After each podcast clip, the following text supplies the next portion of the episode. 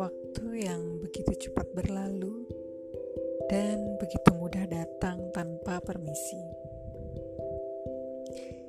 Ingin rasanya aku menghentikanmu supaya aku bisa lebih lama menikmati euforiaku. Atau ingin kulewati saja dirimu supaya aku tak berlama sendiri bersama air mata dan ketakutanku. Aku tahu, aku tak pernah bisa meminta membawa buah tangan yang manis tapi setidaknya, bisakah kau mengerti? Aku sedang tak ingin makan yang pahit.